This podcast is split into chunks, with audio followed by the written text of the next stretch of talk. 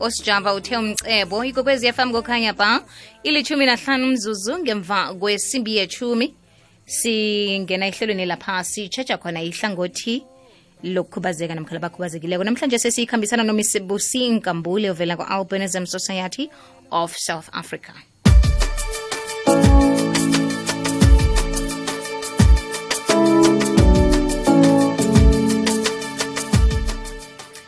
miss nkambule siyakulotshisa besiyathokoza ukuba nawe namhlanje emhathweni kwekwezi fm ovukile? Ngivukile zuzu singebawakini ngilothise nabalaleli bonke bekwekwezi. Siyathokoza. Namhlanje sibona siqubulo namkhamongo mongothi strength beyond all odds somnyaka lo ka-2021 sibawa sithome lapho-ke usihlathululele bona kuze njani kukhethwe um isiqubulo esinamkhamongo lo ngithokoze zuzu.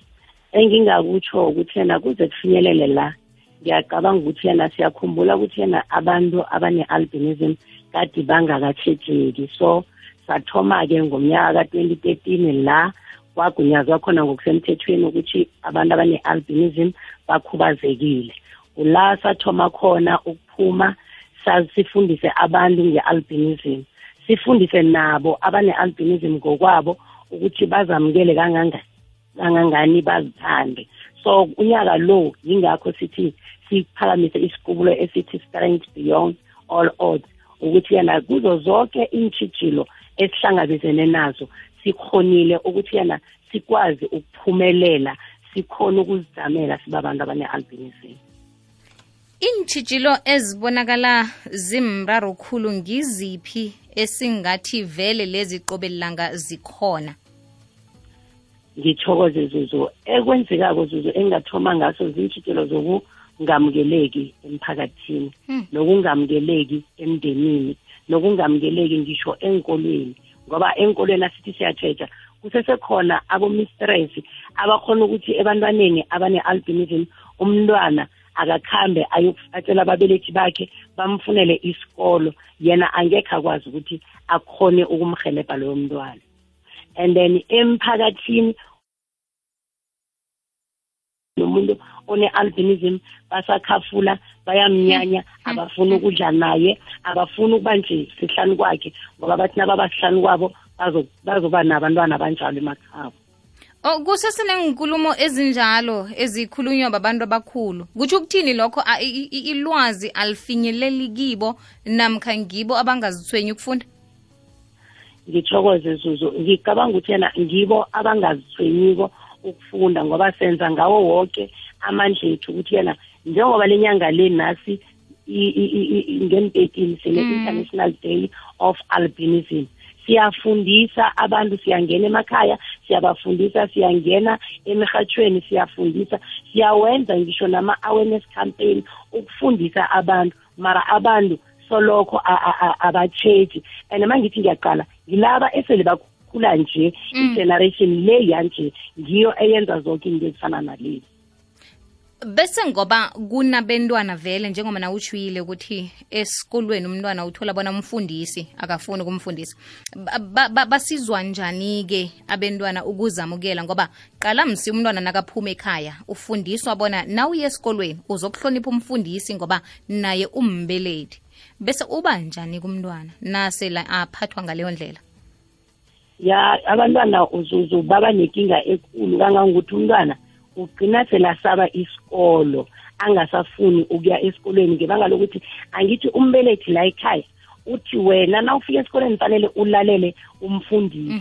Then umntwana uyazi ukuthi yena unesitshijilo ahlangabezana lapha esikolweni ngomfundisi and umfundisi loya esithini esithi ungumbelethi womntwana. So umntwana bese athole azithole angasazi ukuthi fanele aye kuphi ngoba uma ngapha naye usumtshela lokho akalandeleli lento etshiwo mntwana ngalokhu ahlangabezana nakho esikolweni. Then umntwana ekugcineni ahlala angasayi esikolweni namkhana mntwana nakaphumako asathinge nje emzini or uthola umntwana seyatholakala emtolo angayi es- esikolweni. Manje kubabelethi esele bahlakaniphile banolwazi ngabantwana babo abafuna ikusasa elihle ngabantwana babo. Baye bafinyelele eminyangweni yethu basi- basibikele imibiko efana nale. Then thina sisuke siye enkolweni ukuyofundisa isikolo sonke abafundisi kanye nabentwana. Ngikuzwa kuhle. Ngiba usibambele njalo miss nkambule sithengise bese sizakubuya kodwa sirakele phambili. Njengesupermarket ephambili eSouth Africa iShoprite yenza konke nge-Act for Change. Kiyo yoke imiphakathi esebenzela kiyo ukwenzela bona ithuthuke beyikhule. Igama lami ngikujulia wakantshabeleng ngikuwa emamorey educare bonga ishoprite lesipho lesibasiphe sona sakwa-10 000 rand. Siyabonga ishoprite? Siza ishoprite ukusekela labo abasiza ukwakha umphakathi wangikheno khetha ihlelo lomphakathi olithandako ku-011 504 2039 kusebenza indleko ezijayelekileko zomtato. Imzuzu yasimahla ayisebenzi. Act for change ngenye yendlela ishoprite isebenzela ngayo imiphakathi esouth africa ngamalanga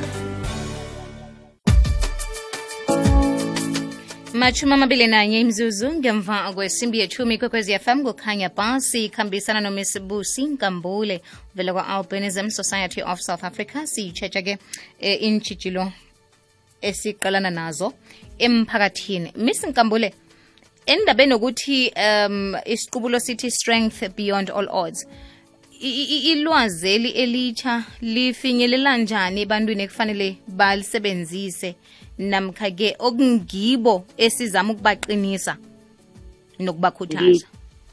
Ngiyathokoza zuzu. Engingakutsho ukuthi yana njengoba ngisho ukuthi yana sisakwenza lokhu ama-awareness siyawenza and then siba nawo futhi ama- ama-pamphlet esiwakhiphako lokhu navane sinama-awareness ukunikela abantu ukuthi bafunde nalokhu abasemakhaya. Bese esikwenza khulukhulu ukuthi nabo abantu abane-albinism siyabafundisa ukuthi mabazamukele. Ngoba-ke zuzu lokhu mina ngingakazamukeli omunye umuntu oseduze kwami uyongamukela njani? Mara mina nangizamukeleko nangithoma ngingena emphakathini bayokubona ukuthi oh nanoma kunalento leya ngoba-ke angisho abanye bebabasaba vele ukuthi na- nawumqala isikhathi eside batsho bekakubetha ukuthi umqalani ngoba Okay. bekanalento leyo yokuthi mhlambe umqala i- ibala lakhe leli mara wathi uyaqala wathi uyaqala wakubona umuntu onobuntu wamkhulumisa. So ususa into leya ekuye. Yokuthi hawa musi umuntu lo akanakinga then kutsho kukhombisane lo khombisa ukuthi uzamukele manje sibafundisa kakhulu ukuthi abazamukele zuze usenenkinga yokungaboni kuhle emehlweni angitsho so uthola ukuthi umuntu nakafuna ukufunda lokhu nakahlangana nabantu uzokatelela ukuthi incwadi ayibekele kude ukuthi phela akafuni babone bona akakhoni ukufunda kuhle kosayisondeza emehlweni manje leyo iletha esinye isithombe mina zuzona ngingena emphakathini ngithatha incwadi ngiyilethe emehlweni babuza ukuthi kuthi wenzani uyayicabuza ofana wenzani? Ngithe eh ngenza konke ngiyafunda bengiyayicabuza konke kurehe mara ngenzani ngiyafu ngiyafunda. Lokho kwenzani kubalethela ukuthi hayi ukuthi ubrave ngoba yena bakhe uzamkele yes sikhulume ngabentwana besikolo. Saqala iintshijilo abahlangabezana nazo esikolweni. Emsebenzini-ke khona kunjani? Ngoba ngitsho kunomphakathi lapho esiphila khona. Bese kunalapha esihlala khona isikhathi esiningi kusemsebenzini lapho ngithokoze zuzu. Ya ya ya.